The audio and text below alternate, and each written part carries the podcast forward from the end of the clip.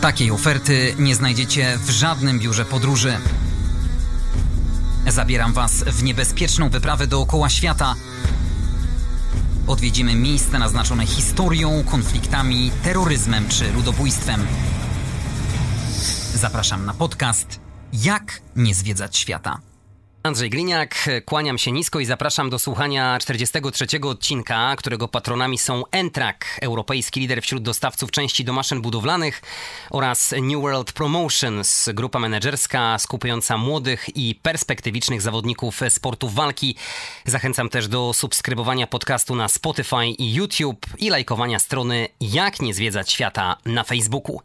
A gdzie dziś wędrujemy palcem po mapie? Państwo na Bliskim Wschodzie, dawniej znane jako Persja, dziś Iran. Zaliczane do tak zwanych krajów osi zła, to jest propagandowy termin wprowadzony przez George'a W. Busha na określenie państw, które w optyce Stanów Zjednoczonych prowadzą agresywną politykę zagraniczną, dążą do wyprodukowania broni masowego rażenia i wspierają międzynarodowy terroryzm. Ale czy rzeczywiście ten diabeł jest taki straszny, jak go malują? O tym opowie mój dzisiejszy gość, Daniel Król. Dzień dobry. Cześć i czołem, Andrzej, witaj ponownie. Autor projektu podróżniczego Na Wylocie, który specjalizuje się w wyprawach backpackerskich do byłych republik Związku Radzieckiego i na Bliski Wschód. Ponad 60 krajów w swoim podróżniczym CV.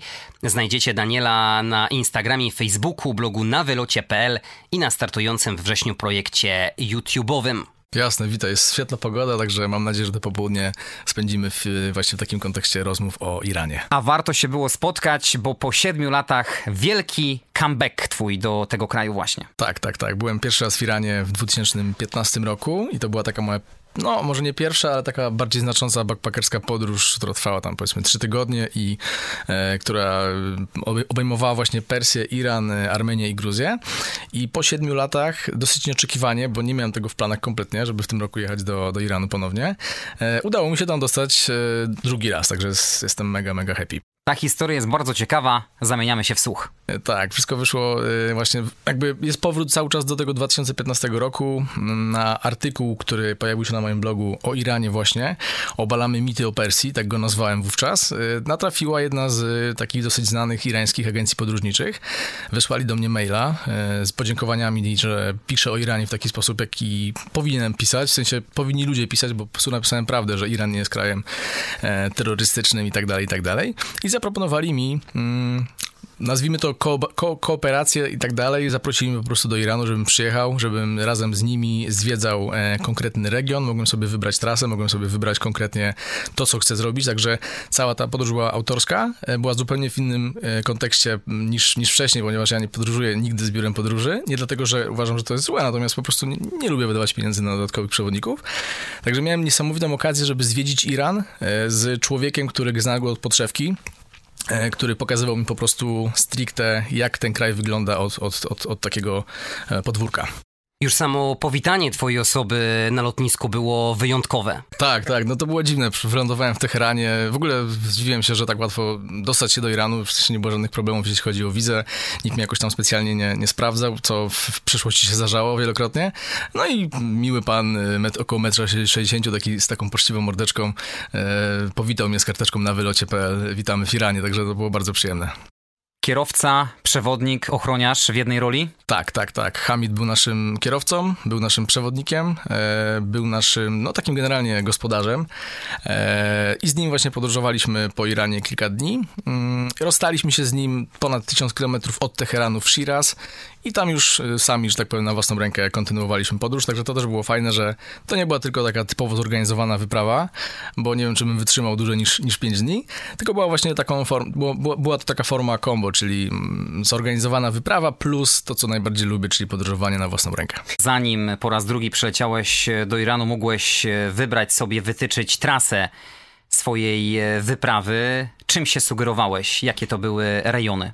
E, sugerowałem się miejscami, w których już byłem, które chciałem ponownie zobaczyć. Na pewno, no i dlatego właśnie wybrałem Teheran między innymi jako takie miejsce, w którym chciałbym trochę dłużej pobyć, ponieważ 7 lat temu całkiem niezła ekipka studentów teherańskich jakby znalazło się w takim moim kręgu znajomych, e, no i chciałem ich po prostu odwiedzić. Dostałem też zaproszenie od takiego jednego z mojego znajomego, który e, w tym roku emigruje do Kanady z Iranu, prawdopodobnie na stałe. To też była świetna okazja, żeby się z nim spotkać po tych siedmiu latach, ale poza tym też miałem, miałem jakby na celu, na celowniku takie miejsca, do których nie udało mi się wówczas dotrzeć, na przykład Shiraz, który jest oddalone te tysiąc kilometrów od, od Teheranu.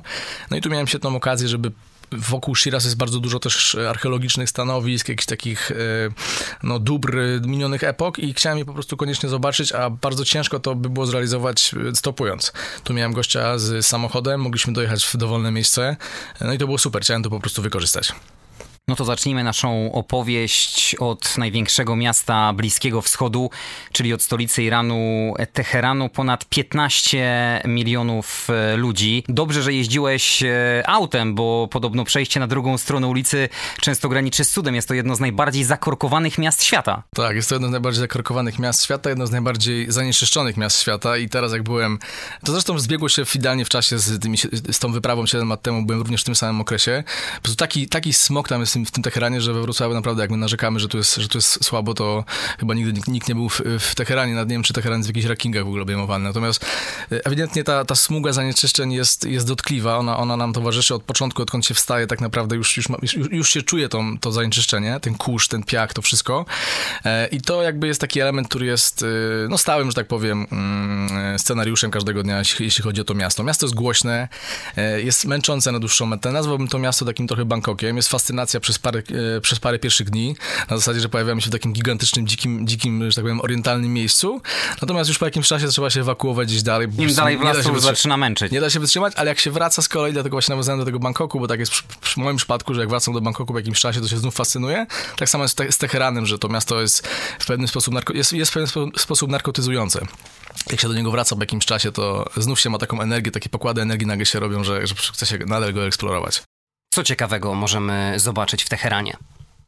Myślę, że no to miejsca, które wam, które teraz powiem, na pewno znajdują się w, w przewodnikach turystycznych, ale one są po prostu świetne. Jedną z nich jest ambasada, była ambasada Stanów Zjednoczonych, która znajduje się w Teheranie, już obecnie pełni funkcję muzeum. To jest ta słynna ambasada, która zasłynęła właśnie z przetrzymywania e, personelu amerykańskiego przez chyba, już nie pamiętam dokładnie, tam było chyba kilka, kilkadziesiąt dni przynajmniej przetrzymywali e, Irańczycy amerykańską dyplomację. Nikt wprawdzie nie zginął, ale ostatecznie, ale jakby ta cała, ten cały incydent spowodował to, że te relacje amerykańskie amerykańsko-irańskie się pogorszyły i już nigdy nie wróciły do, do jakichś e, wcześniejszych relacji. E, także ambasada, która, którą, których, której mury zdobią, zdobią takie murale e, antyizraelsko, antyamerykańsko, antyimperialistyczne, jest świetna. Co ciekawe, będąc w tym roku, cała, cała plejada tych murali, która, którą widziałem 7 lat temu, się zmieniła. Także już te, te osoby, które tam były wcześniej i mają fotkę spod tej ambasady z tymi muralami, na przykład był taki słynny mural z, z, z statuą wolności, która, która miała taką twarz czaszki e, i w tle, w tle była flaga, flaga Iranu. To był taki kultowy, kultowy motyw. Już tego nie ma, także ktoś może, mając to zdjęcie, może, może po prostu powiedzieć, że jest szczęściarzem, bo już nigdy nikt takiego zdjęcia sobie nie zrobi. To jakie teraz są graffiti? Troszeczkę nowsze. Nadal są tam, pojawiają się wątki oczywiście New World Order, jest, jest e, szachownica, na której wielcy gracze typu właśnie Izrael, Stany Zjednoczone rozgrywają świat i takim, taką ofiarą jest Iran. Narkotyki, no generalnie taki, taki temat, broń, to wszystko się toczy wokół właśnie imperializmu, osi zła, w sensie z punktu widzenia oczywiście Iranu. Także ta ambasada jest ciekawa, zwłaszcza, że wchodząc do środka do muzeum można się, można spotkać bardzo ciekawych ludzi. Tam często, tam często, tam, tam często chodzą Irańczycy, którzy po prostu chcą porozmawiać rozmawiać e, z turystami, a tam zawsze turystów się znajdzie sporo.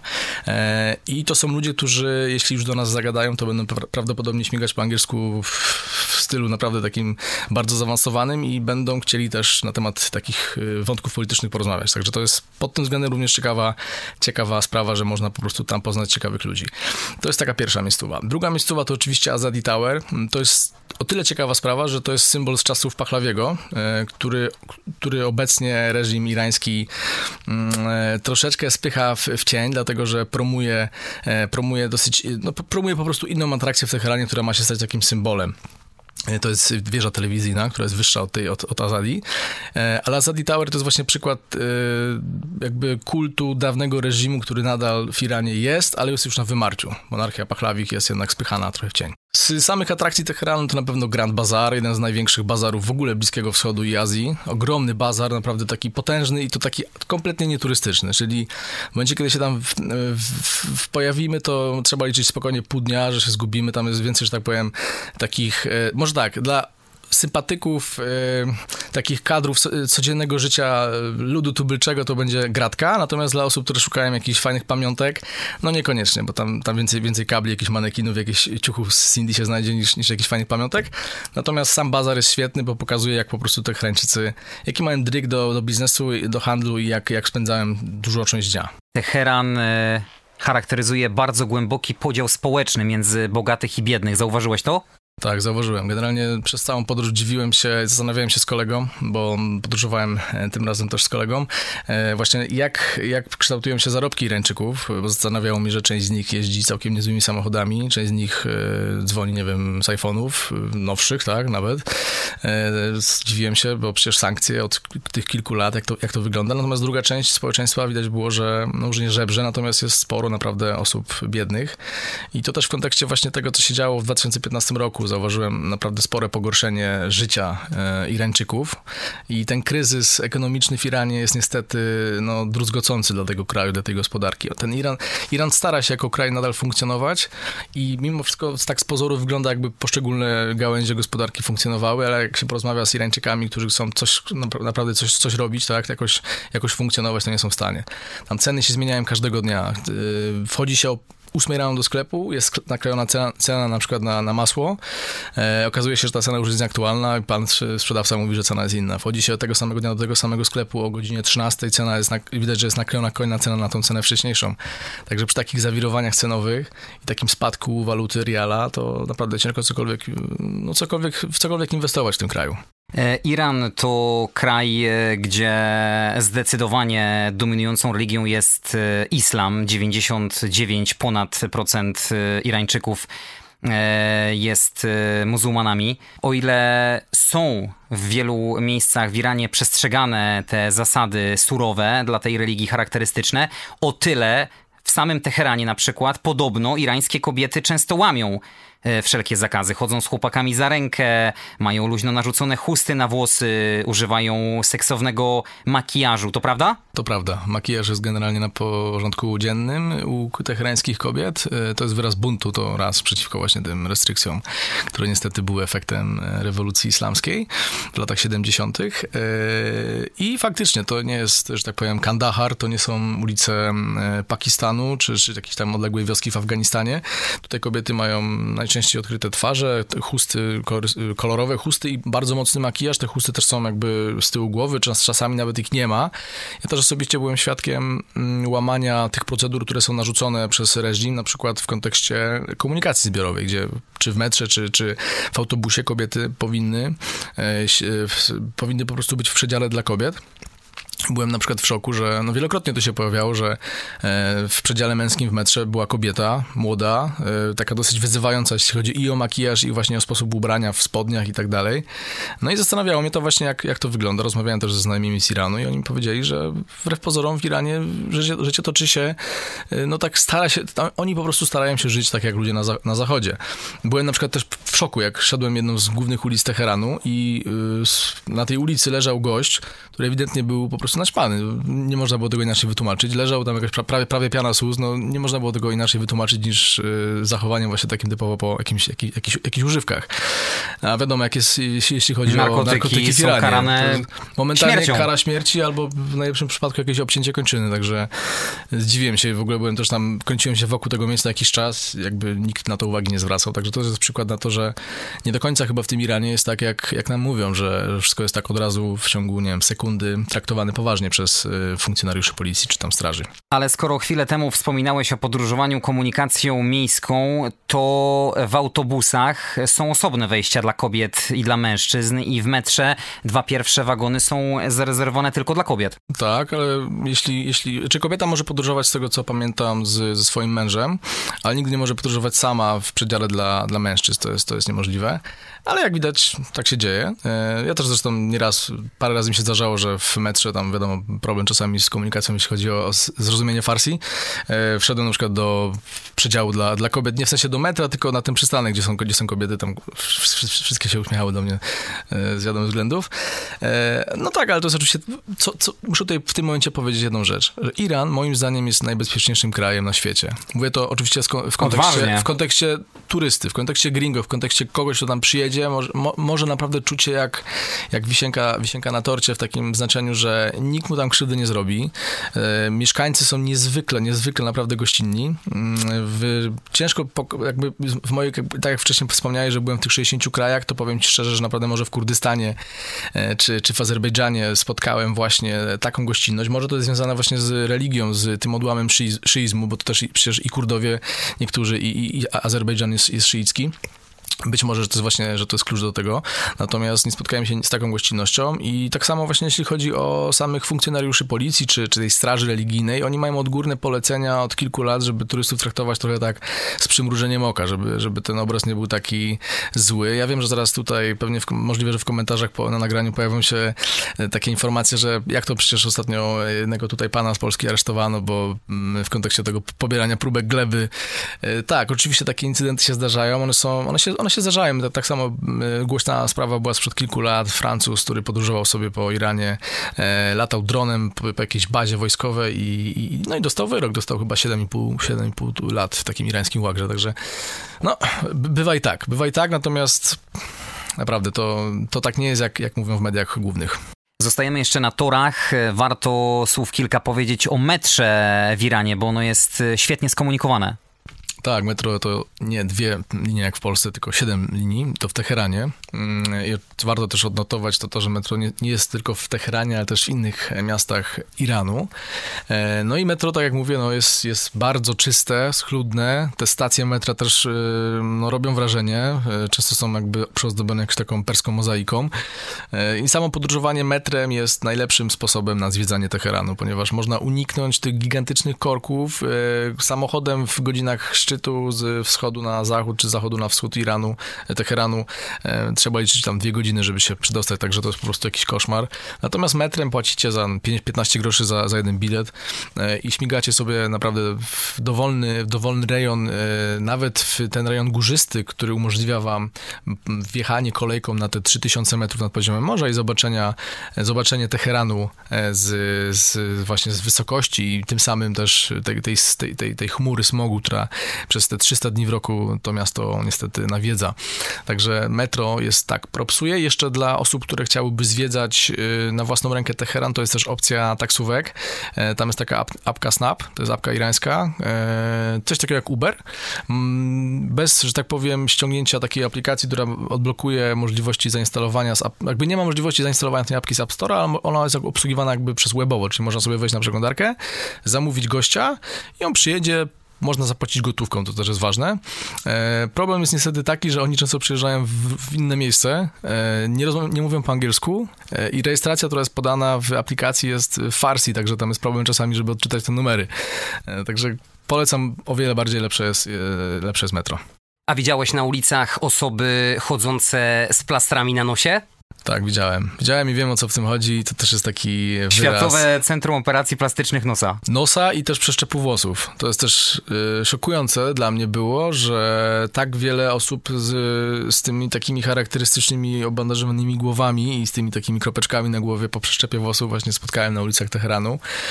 E, tak, bardzo tanio i łatwo y, zrobić sobie przeszczep włosów i soperować cokolwiek e, właśnie w Iranie. Dlatego bardzo dużo osób tam jeździ z Europy i tak dalej. 90 tysięcy tysięcy nosów rocznie się tu operuje. Tak, tak, tak. Te statystyki rzeczywiście są e, niesamowite, więc jeśli ktoś jest chirurgiem plastycznym i ma ochotę sobie dorobić, to warto wybrać się do Iranu. 3000 chirurgów plastycznych tam pracuje ponad. No tak, tak, tak. Tylko kwestia właśnie bardziej e, rozliczania się potem z jakimiś podmiotami w Unii Europejskiej, to też jest taki temat, e, taki case właśnie ciężki, nie? Bo jadąc do Iranu trzeba uzbroić się w dosyć, e, no pokaźną gotówkę, no bo lepiej mieć więcej tych dolarów czy euro przy sobie niż, niż mniej, bo potem po prostu jest problem. System Iranu, finansowy system Iranu jest, jest systemem zamkniętym. Nie działają karty Visa, nie działają karty Mastercard, Revoluty, Kerwy, jakieś innego typu wynalazki. Także w momencie, kiedy wam się skończy pieniądz, no to musicie kombinować, czyli albo poprosić kogoś, żeby wam zrobił przelew na przykład w kryptowalucie na konto kogoś, kto w kryptowalucie w Iranie operuje, a to jest dosyć powszechne akurat, że oni się rozliczają w kryptowalutach, taki przelew możecie mieć tego samego dnia, albo na konto kogoś w dolarach, kto posiada konto poza Iranem, także no my tak lubiliśmy, znaleźliśmy parę takich osób, także to nie jest jakby niewykonalne, mm, natomiast no, no lepiej, mieć, lepiej mieć te pieniądze niż potem ich nie mieć, bo to jest jednak problem. To nie jest, to nie jest kraj, gdzie je, możemy wyciągnąć pieniądze z bankomatu, czy, czy, czy poprosić kogoś o przelew, to nie działa tam nic. No system jest naprawdę, to jest, to jest ciekawe w sumie, bo mało jest takich krajów na świecie, że gdzie się jedzie po prostu i ma się taką świadomość, że jak się skończy gotówka, to, no to nic, nie? Tak samo jest na przykład w kontekście internetu też. Pro, duży problem nadal w Iranie. Spotkałem się tylko i wyłącznie w Turkmenistanie, jak byłem dwa lata temu, z większym problemem, jeśli chodzi o łącze. Tam przez 6 dni nie miałem w ogóle dostępu do internetu. E, natomiast w Iranie ten internet jest mocno koncesjonowany, ograniczony. Działają dziwacznie wszystkie aplikacje, na przykład Instagram działa bardzo dobrze, Skype działa dobrze, natomiast Messenger, Facebook działają w kratkę. Można ściągnąć oczywiście apkę jakiegoś VPN-a, żeby sobie oszukać trochę e, system, natomiast no nie jest to jakiś, jakiś net. Programiści mieli problem generalnie. Przywiozłeś sobie z Teheranu jakiś dywan, bo dawna Persja to jest królestwo dywanów. A tak, Można tak, je tak. spotkać na każdym kroku. Przywiozłem, nawet, nawet więcej niż, niż jeden. Przywiozłem w sumie dwa dywany, przykupiliśmy na bazarze. Tkane ręcznie. Tkane ręcznie, tak. Tam chyba z dwie godziny trwały pertraktacje z Persami. Udało się w końcu takie dwa dywany nabyć. Jeszcze co więcej, kupiliśmy jeszcze klimy, czyli te takie z, wielbłąd, z, wielbłąd, z wielbłądzie i sierści, e, takie powiedzmy gatunkowo gorsze, mm, e, gorsze, gorsze dywany plety tak naprawdę. Także tak, kupiliśmy, zapakowali nam to w taką siatę, wyglądaliśmy jak, jak na, bazarze, na bazarze gdzieś tam w Mołdawii. No i z takimi dywanami się, z takimi dywanami wróciliśmy do Polski. Także w, dobrze wybrać się na bazar w Iranie, no tylko problem jest po prostu z cenami, bo te ceny są zaporowe, one często są po prostu podawane e, z czapki. No i wiadomo, że Niemcy i Norwegowie, czy inni tam Szwedzi się na to złapią, nie będą się targować, no ale Polak się będzie targował mocno. No. Także nie mając świadomości, e, gdzie się kupuje ten dywan, czy on ma faktycznie certyfikat, bo kluczem do sukcesu jest dostanie dywanu z certyfikatem. Certyfikat musi być jakoś potwierdzony, to musi być jakaś firma, która ma najlepiej, żeby miała jakieś rodzinne koneksje od jakiegoś czasu i tak dalej. Nie? Dużo z takich firm, firm, które dają na przykład za dywan, nie, proponują wam 2000 dolarów, no to wiadomo, że cena to przecież dla Persa to jest cena, gdyby taką kasę zarobił, to by prawdopodobnie na, przez rok mógł funkcjonować, także to nie są ceny e, autentyczne. Także tak, oczywiście, jak najbardziej dywany, e, co więcej, jeszcze jakieś właśnie takie wyroby tkackie, e, Przywiozłem też trochę, trochę jakichś takich starych kamieni, szczególnie, nie chcę powiedzieć, że z, akurat z Persepolis, natomiast w Iranie można generalnie znaleźć sporo e, takich pamiątek, które po prostu leżą na ziemi. Z dawnych, z dawnych bardzo czasów. A jak wygląda życie nocne w Teheranie? E, Teherańczycy dosyć, dosyć późno kładą się spać. Parki e, Iranu, to jakby parki w Iranie stanowią takie miejsce spotkań towarzyskich. E, i z uwagi na temperaturę i wiadomo, to jest przecież kraj, w którym jest bardzo gorąco, e, mieszkańcy sobie po prostu piknikują w takich parkach do późnych godzin, często nawet do godzin porannych. Można spotkać w parkach całe rodziny, które przy fajce wodnej, shisha jest takim elementem, powiedzmy, no jeszcze jakoś, jakoś niebanowanym przez, przez reżim i może nie jest jakoś, jakoś szczególnie propsowana, to jednak funkcjonuje w tej przestrzeni publicznej publicznej i właśnie przy sziszce, przy takich jakby napojach, no przy piwach bezalkoholowych, e, które, takich lechach shandy, coś w tym stylu, e, Irańczycy sobie po prostu spędzają ten wolny czas. Ja też osobiście po Teheranie, w, akurat w teraz troszeczkę, mm, e, trochę sobie pospacerowałem taką późną nocą. I jedna była ciekawa historia, że sobie podróżowaliśmy, to akurat były mm, chyba jakieś ligi, mecze Ligi Mistrzów, wracaliśmy, wracaliśmy z jakiegoś miejsca, gdzie mogliśmy ten mecz zobaczyć, była tam około, około drugiej. I w końcu trafiliśmy na takie miejsce, gdzie gościu robił e, hot dogi. I gdy nas zobaczył, takich dwóch e, białych, że tak powiem, Europejczyków, no to od razu nas do siebie zaprosił. I co więcej, powiedział, że to jest bardzo niebezpiecznie w ogóle, żeby podróżować e, po Iranie w, w tych godzinach, co nas trochę zbiło z tropu, bo przecież e, byłem w Iranie wcześniej i też podróżowaliśmy wcześniej i nigdy nie było takiego problemu, natomiast on od razu to, co zrobił, to zabarykadował wejście do, do swojego e, przybytku, powiedział, że tu jest bardzo niebezpiecznie, wziął jakąś lagę taką w ogóle do ręki, powiedział, że tutaj teraz będzie nas, będzie nas teraz chronił, e, nakarmił nas i powiedział, że nas odwiezie na skuterze do domu, bo nie ma opcji, żebyśmy się bujali sami, bo to się może po prostu skończyć jakąś, jakąś kosą czy coś w tym stylu. E, no i wziął nas na ten skuter. Nie wiem, czy był le lekko, lekko jakiś przedymiony, ale generalnie nas wysadził w jakimś zupełnie innym miejscu e, miasta. E, to wyszło w taki dziwny sposób, że nas wysadził w miejscu, skąd, z którego mieliśmy dalej do domu niż z jego knajpy. Co spowodowało, że musieliśmy się, no, co w efekcie końcowym spowodowało to, że mogliśmy ten Teheran nocą zobaczyć, bo przez parę godzin sobie po prostu łaziliśmy w nocy, zwiedzając takie miejsca, w których wcześniej nie byliśmy. Było kompletnie pusto, nie było nikogo na, e, na ulicach poza uchodźcami. Warto tutaj odnotować, że w Iranie jest dosyć sporo, szczególnie w Teheranie, uchodźców z Pakistanu. Także oni po prostu albo leżeli na ławkach, albo, albo gdzieś tam, nie wiem, na kuckach sobie siedzieli na, na, na ziemi. Mam takie wrażenie, że informacje, które pojawiają się w polskich mediach w kontekście Iranu, mają zazwyczaj pejoratywny wydźwięk. Zamachy, terroryzm, religijne nakazy. Ostatnio głośno było o zabiciu przez amerykańskie siły specjalne Gasima Sulejmaniego, generała dowódcę irańskich sił zbrojnych. Na jego pogrzeb przyszły setki tysięcy Irańczyków. Tak, tak, tak. Faktycznie e, no, dosyć znana historia. E, co ciekawe, w Iranie Sulejmani teraz jest często właśnie takim motywem, który pojawia się na plakatach, pojawia się w takich miejscach typu lotnisko, jakieś główne, główne skrzyżowania w, w, w mieście, na rondach. No i niewątpliwie stał się takim jednym z bohaterów e, świeckich, który, który po prostu wokół którego budowany jest ten kult tego, tego Iranu, który jest niestety tak no, nieładnie traktowany ze strony innych państw. No tak, faktycznie Sulejmani został, z tego co pamiętam, sprzątnięty przez Amerykanów chyba w jednej z baz w Iraku. W Bagdadzie, tak. W Bagdadzie, tak, tak, tak. I no to to w ogóle już pogorszyło tą relację. Pamiętajmy, przecież dobrze pamiętamy, że to był początek roku i generalnie cały świat trochę tak zamarł, że, że, że tutaj wojna wybuchnie kolejna. E, nikt jeszcze wtedy nie przypuszczał, że dwa lata później wybuchnie realna wojna. No i niestety ten wizerunek Iranu jest powielany w mediach e, głównego nurtu. Przekłam, jest to, jest, jest pełen kłamstw e, i tak dalej. No nie pomaga niestety polityka samego rządu irańskiego, który zachowuje się trochę, troszkę troszeczkę i myśli troszeczkę inaczej niż sami Irańczycy. E, no teraz ten konflikt na Ukrainie też nie pomaga, dlatego że Iran się jakby jednoznacznie określił, że jest po stronie mm, Moskwy. Także to już w ogóle podejrzewam, że będzie zaliczany do tych krajów takich podtępionych.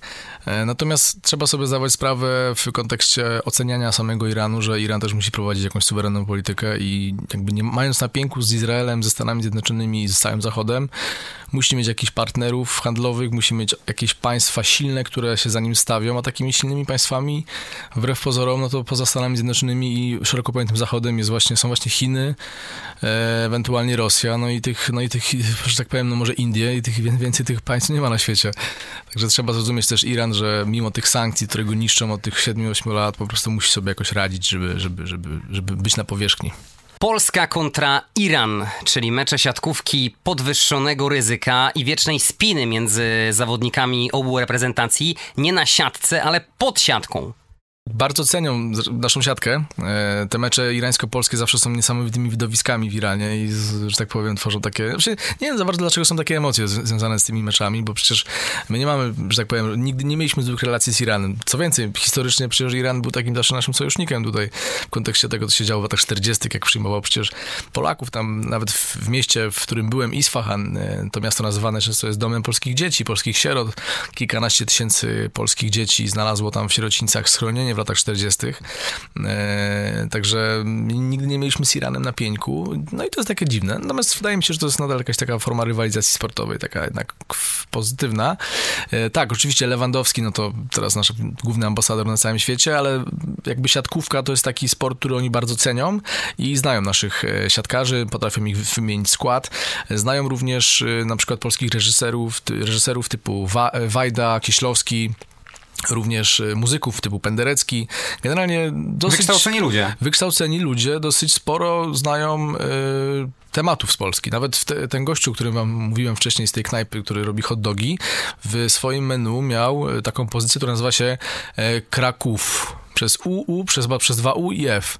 I to generalnie właśnie była ta kiełbasa krakowska, bo kiedyś okazało się, że 20 lat temu, jak był w Iranie, jakiegoś tam Polaka spotkał, który mu tam dał kiełbasę krakowską i on jakimś dziwnym, dziwnym sposobem sobie o tym przypomniał i tworząc knajpę, jedną z pozycji nazwał właśnie Sausage Kraków, ale tak dziwnie napisane, że yy, bez tłumaczenia byśmy się nie zorientowali, że to jest jednak jakiś, jakiś polski, jakaś polska konotacja. Skoro już szedłeś na tematy kulinarne, polecasz y, kuchnię irańską? Tak, tak. Kebab, kebab, kebab, tak mi się kojarzy. Tak, tak. Może nie aż tak jak w Turcji, natomiast kebab góruje. Tych kebabów jest oczywiście sporo i to jest kebab w takiej formie trochę innej jednak niż na przykład w Turcji. To jest kebab podawany z ryżem. Ryż w ogóle jest y, takim elementem dania narodowego w Iranie. Iran słynie z produkcji ryżu, ma pola ryżowe na północy. E, no i z tego tytułu właśnie ten ryż jest często właśnie konsumowany. Te ko kopce ryżu są gigantyczne. Nigdy nie zadam chyba do końca tej, tej podstawowej porcji, która jest zawsze w pakiecie. E, także kebaby, ale poza tym jest też szereg innych dań, na przykład e, rewelacyjne soki, które są... Świeżo wyciskane? Świeżo wyciskane z naprawdę z takich mega orientalnych owoców. One są dostępne w, na ulicach praktycznie każdego miasta. To jest genialna sprawa. Do tego tak zwany tadzik, to jest na to jest, e, to jest na, na chlebku pieczony na patelni e, ryż i on tworzy się, on tworzy taką formę takiej skorupy, która jest takim elementem takiego afrodyzjaka narodowego. Często sobie Irańczycy go jedzą w, odświętnie, jest przepyszny po prostu.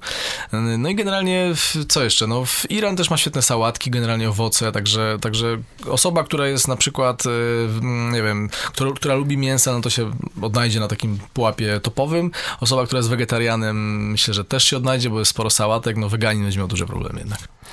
Najedzony z pełnym żołądkiem ruszyłeś z Teheranu do z Teheranu ruszyliśmy dalej na południe, dlatego naszym celem było odległe o 1000 km Shiraz i takim pierwszym punktem na, i takim pierwszym punktem na mapie było słone jezioro Namak, które znajduje się w kierunku Kaszan.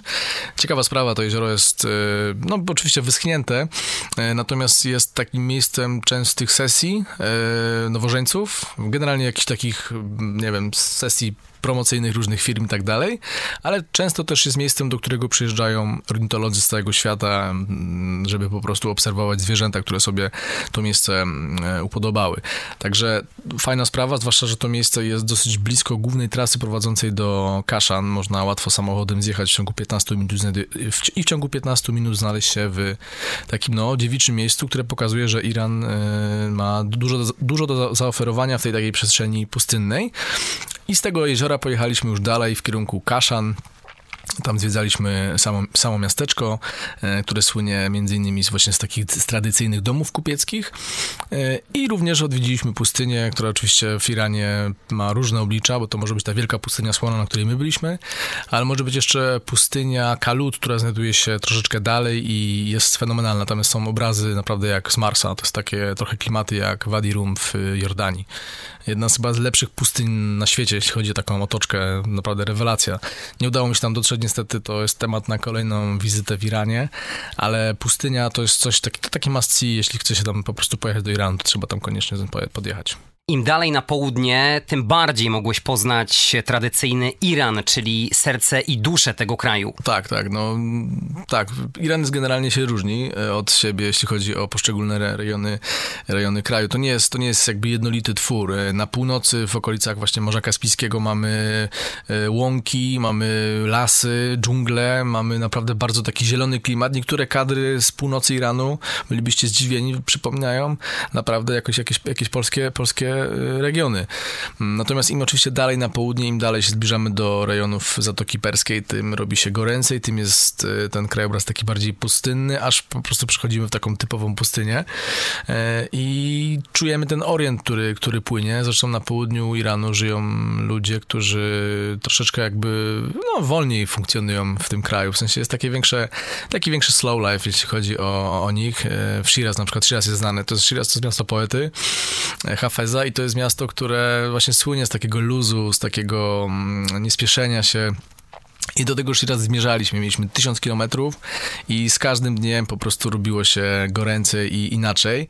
E, jak wam wspominałem o tym Kaszan, to potem wyruszyliśmy do miasteczka Isfahan, a chyba jeszcze wcześniej do, nie, do Isfahan. Isfahan to jest taka perła, jedna, jedna z pereł Iranu, miasto piękne niesamowicie, z wielkim placem imama, e, gigantyczny twór, coś takiego jak w Krakowie, tylko że chyba nawet jeszcze większe. E, no i Isfahan też właśnie dla mnie było tyle ciekawym miejscem, że ja tam byłem te 7 lat lat temu, e, bo 7 lat temu my do Iranu pojechaliśmy celowo e, w kontekście odwiedzania polskich cmentarzy. Mieliśmy taką misję, żeby odwiedzić polskie cmentarze, których w Iranie jest kilka. Jeden z nich jest właśnie, znajduje się na kwaterze ormiańskiej w Isfahan. No i chcieliśmy go odwiedzić i dla nas to było o tyle niesamowite spotkanie wówczas, że na placu Imama jeden z Polaków, który tam przebywał, Polonusów, który tam przybył do, do Isfahan, z, zlokalizował nas i rozpoznał nas, że jesteśmy Polakami, ponieważ ja zawsze na kamelbaku z przodu mam e, flagę Polski. I on nas rozpoznał, że jesteśmy Polakami i okazało się, że spotkaliśmy tego samego dnia grupę 30 e, osób, które w latach 40. właśnie były tymi dzieciakami z Isfahan osalonymi. Przebywały w sierocińcu. To było niesamowite. Ludzie tam 60, 70, 80 lat, nie wiem, część z nich pewnie już teraz nie żyje. I okazało się, że oni podróżują po Iranie i z nimi właśnie mieliśmy niesamowitą okazję uczestniczyć w takiej mszy na tym cmentarzu razem z telewizją Arte. Mm, zrobiliśmy też wywiady z tymi ludźmi. No naprawdę niesamowita, niesamowita sprawa. I do tego Isfahan wróciliśmy. A z Isfahan już jechaliśmy dalej, zobaczyliśmy m.in. wioskę Abiane, to jest wioska położona w górach, taka dosyć specyficzna, ponieważ tam można spotkać sędziwe kobiety ubrane w takie kolorowe chusty i generalnie stroje. Faceci też chodzą ubrani często w takich spodniach przypominających e, trochę spodnie Simbada żeglarza. Miasteczko jest ukryte w, w górach, prowadzi do niego tylko jedna droga asfaltowa. Nie jest to miasteczko jakieś zabite dechami, w sensie, że tam nic nie dociera, to jest dosyć skomercjalizowane miejsce mimo wszystko. Natomiast wybierając się tam w tygodniu możemy poczuć taki Iran, no, którego wcześniej nie znaliśmy. E, miasteczko właśnie z cegły, z czerwonej, z czerwonej gliny, która, która jest wydobywana z tych okolicznych gór. Ciekawy klimat, ciekawy klimat, ale to też właśnie dla osób zmotoryzowanych najczęściej, ponieważ stopowanie akurat na takich odcinkach typu właśnie ta wioska, gdzie jest tylko jedna droga, no niekoniecznie. Generalnie na tym, na tym odcinku y, Teheran, Shiraz prowadzi, y, na tym odcinku znajduje się jedna taka autostrada i na przykład samo stopowanie tą, tą trasą, szczerze powiedziawszy, no to jest, to, to, to nie sprawiałoby mnie osobiście żadnego, żadnego fanu, ponieważ tam, no tam nic nie ma, tam jest po prostu jedna pustynia, jest 50 stopni, leje się, leje się z nieba e, i to by była masakra. Generalnie poruszanie się busem na przykład na tym odcinku to jest jakieś 13 godzin jazdy. O wiele lepszym sposobem podróżowania na takich długich dystansach jest wybranie lotu krajowego. My taki lot wybraliśmy jedną z irańskich linii lotniczych. Zapłaciliśmy jakieś tam 35 euro za lot. E, no i taki lot trwał godzinę z hakiem, także super sprawa, polecam dla osób, które chciałyby się szybko przemieścić z Teheranu, na przykład na wybrzeże, na jedną z irańskich wysp, bo to też warto odnotować, że Iran posiada wyspy. I to rajskie niektóre na przykład Kisz e, czy Kesz, to są świetne wyspy, w ogóle super kierunek na podróż, polecam dla zajawkowiczów tych rejonów świata, żeby sobie poświęcić e, czas na przeanalizowanie mapy e, i sytuacji geograficznej właśnie w tym regionie, żeby może pokusić się o taką wizytację na południu Iranu właśnie i zobaczenie sobie wysp. No tak, i właśnie z Shiraz najlepszym sposobem wydostania się i powrotu do Teheranu jest lot. My tak zresztą zrobiliśmy, jak zakończyliśmy naszą przygodę z, z Hamidem i z ludźmi z agencji, rozstaliśmy się, no to właśnie na lotnisku i potem już sobie podróżowaliśmy w Teheranie na własną rękę. Musimy wspomnieć o słynnym mieście Persepolis, czyli miasto starożytnej Persji, założone pół tysiąca lat przed naszą erą. Tak, tak. Jeśli ktokolwiek jedzie do Persji, a najczęściej są to osoby w podeszłym wieku, tak, tak, tak pokazuje statystyka i osoby, no i generalnie, że tak powiem, to sugeruje wzrok, jeśli się jest e, w Iranie, że ci turyści z zagranicy to są najczęściej osoby jednak w podeszłym wieku, to te osoby momentalnie z Teheranu czy z Shiraz e, właśnie lądują w Persepolis. I muszę przyznać, że tutaj akurat e, ja nie lubię takich miejsc masowych, nie lubię takich miejsc, gdzie wszyscy jeżdżą, które są mocno komercyjne, natomiast w przypadku Persepolis to trudno się dziwić, że ono jest takie oblegane. To jest trochę taki case Petry w Jordanii, gdzie po prostu no, skala tego przedsięwzięcia, to co zostało, jest tak fenomenalna, że robi to ogromne wrażenie nawet, nie, nawet na osobach, które się nie pasjonują archeologią na co dzień, czy historią. Po prostu ten obszar, który jest, który tam pozostał w Persepolis jest gigantyczny i to sama świadomość, że to jest tak stary twór i podróży, jakby zwiedza się go, e, ma, ma się możliwość zwiedzania i patrzenia na to, co, co kiedyś było takim, no, jednym z, z najważniejszych no, najważniejszych centrów świata jest niesamowite. Co więcej, poza Persepolis znajdują się jeszcze inne miejscówki właśnie w okolicach Shiraz, także jeśli się wybierzecie do Shiraz, poza samym miastem, które jest piękne, które słynie właśnie z rajskich ogrodów i tak dalej, to znajdują się również obok Shiraz liczne centra e, archeologiczne, to jest Persepolis, to, jest też, to są też Pasargady, jeszcze, jeszcze starsza miejscowość niż, niż Persepolis. Jest wiele, wiele takich właśnie miejsc w tych okolicach. E, co więcej, jeszcze jeśli byliś, byliście na przykład zainteresowani trekkingiem górskim, to na północ od Teheranu, godzinę drogi od Teheranu znajduje się Damawand, czyli najwyższy wygasły wulkan Azji, to jest prawie 6000 metrów nad poziomem morza, na którym można się wspiąć, płacąc tam jakieś 50 dolków e, w centrum alpinistycznym, można się na taki wulkan wspiąć. Oczywiście to jest już przedsięwzięcie, które wymaga jakiegoś tam przygotowania kondycyjnego i tak dalej. Natomiast my, ja osobiście próbowałem wejść na ten wulkan, ale byłem głupi wtedy młody i myślałem, że zrobię to w jeden dzień i, i zejdę tego samego dnia do bazy. Udało mi się tam wejść w Fairmaxach na jakieś 4100 i śnieg zaczął padać, co od razu uciekłem do bazy. Natomiast też też fajna sprawa. Warto też podkreślić, że Iran jest tym krajem, w którym możemy tego samego dnia jeździć na nartach i opalać się na plaży. To jest możliwe, tak samo jak w Nowej Zelandii. To jest możliwe do, do zrobienia, bo Iran to jest kraj wszystkich możliwych krajobrazów świata. Pustynie, wysokie góry, e, dżungle, lasy, wszystko tam naprawdę jest. Wodospady, kaniony, no rajskie wyspy, to jest wszystko w Iranie. To też właśnie, to też, to też jest powód, dla, dla którego powinno się Iran eksplorować. A było coś, co zaskoczyło cię w Iranie? Zdziwiło mnie na pewno właśnie to nieprzestrzeganie przez samych Irańczyków tych narzuconych przez reżim zasad, takie nagminne wręcz, tak jak właśnie te kobiety, które same podróżują w komunikacji zbiorowej, czy gościu, który leży e, po jakichś dragach na, w centrum Iranu, na jakiejś głównej, głównej drodze. To było dziwne. Mm, natomiast co mnie jeszcze zdziwiło? Zdziwiło mnie właśnie to, że jest taki niesamowity, mm, jest, że w kontekście tego, jak byłem wcześniej, te 7 lat, że nastąpił taki regres, jeśli chodzi o sytuację ekonomiczną, że wszyscy ci Irańczycy, którzy chcą coś osiągnąć w tym kraju, a jest ich naprawdę spora, y, spora rzesza, oni po prostu emigrują, masowo emigrują najczęściej do Kanady. Jeden z moich znajomych, Arsan Babej, którego tutaj pozdrawiam, nie wiem, czy kiedykolwiek będzie możliwość przesłuchania tego podcastu, ale go pozdrawiam serdecznie. On już teraz jest w Toronto. Byłem, odwiedziłem go ponownie, udało mi się jeszcze, jeszcze załapać i on tłumaczył mi, jak wygląda sytuacja w Iranie, że tam po prostu ciężko cokolwiek zrealizować przy tak niesamowitym skoku cen, takiej niestabilności finansowej, przy tych sankcjach, cokolwiek, jakieś robienie jakichś wiem, interesów z jakimiś innymi krajami ościennymi jest praktycznie niemożliwe, czy, czy, czy, czy ściąganie czegokolwiek.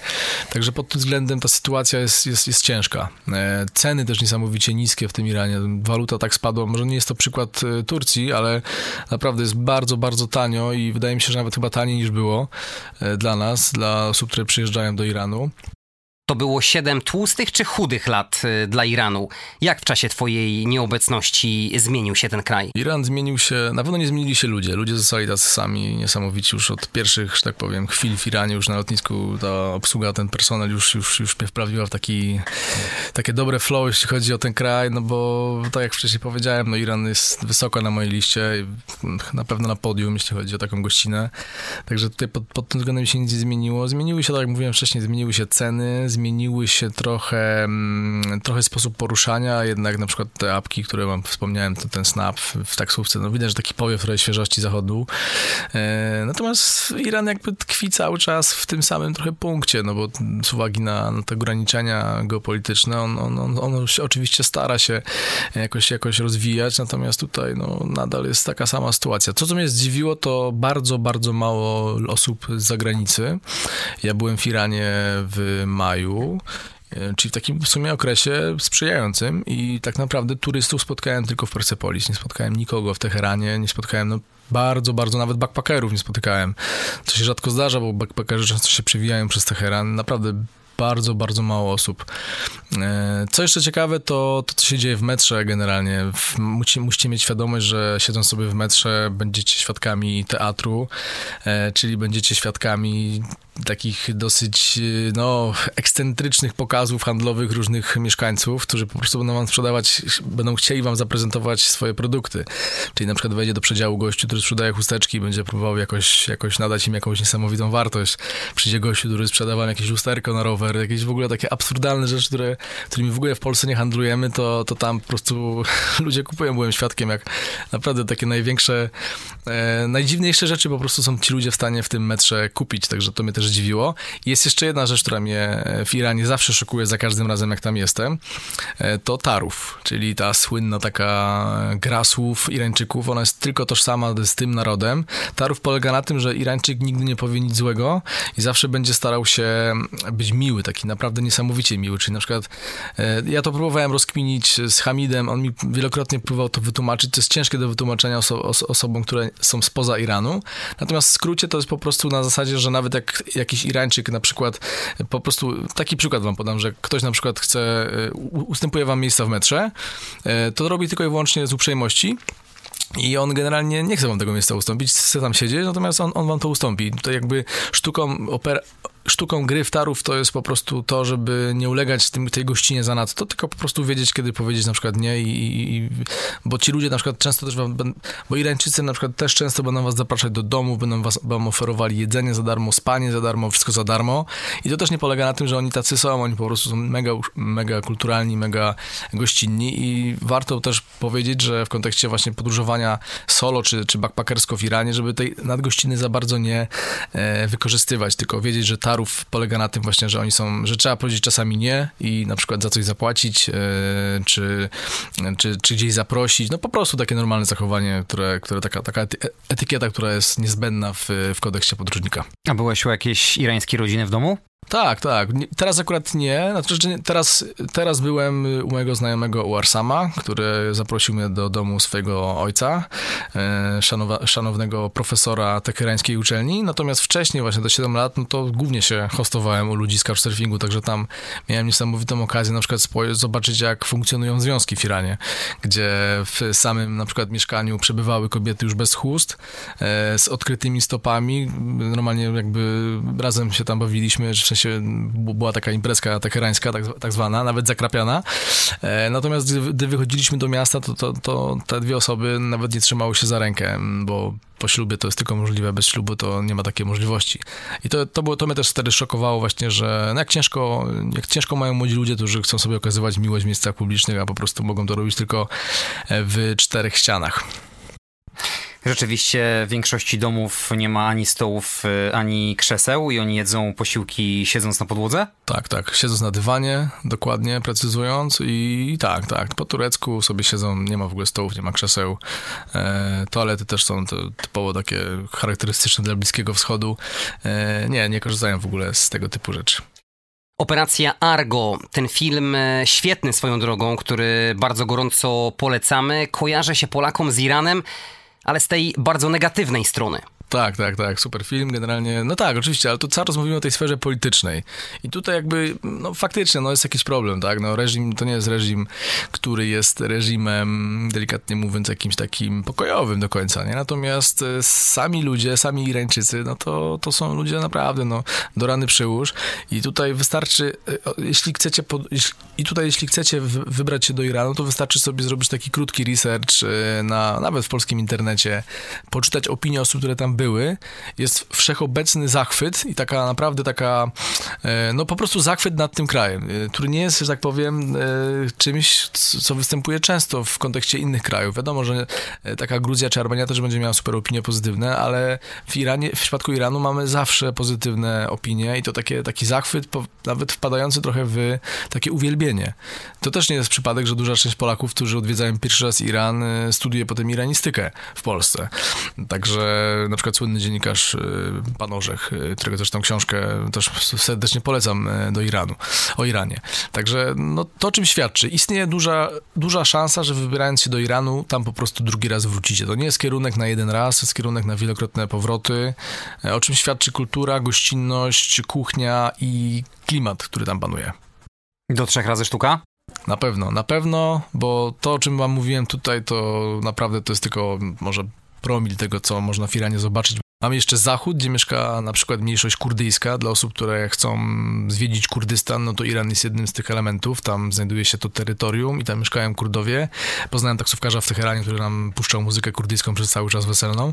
Także to jest jeden z kierunków, które bym chciał zobaczyć, ale też mamy zachód, Meszet, y, jedno z, największych irańskich miast, już przy granicy turk, turk, turkmeńskiej. Mamy też okolice granicy afgańskiej, tam jest też niesamowicie i to jest taki Iran dziki, Iran tradycjonalistyczny, Iran, gdzie na prowincji widać już y, jak religia, jaki ma religia wpływ na mieszkańców. To już nie jest Teheran, gdzie kobiety są odsłonięte i mają wyzywający makijaż.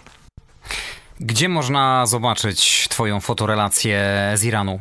Zapraszam wszystkich na moją stronę na nawelocie.pl. Tam w kategorii e, Bliski Wschód znajdziecie wszystkie artykuły o Iranie, ale również na mojego Instagrama, gdzie, gdzie po prostu dosyć sporo zrobiłem stories na temat tego wyjazdu i relacjonowałem na bieżąco. Także jeśli chcecie ten kraj odwiedzić, to czy rolki, czy po prostu zapisane highlightsy warto sobie, warto sobie przyswoić, bo tam jest naprawdę cała masa informacji, które tam skrzętnie odnotowywałem planowałem.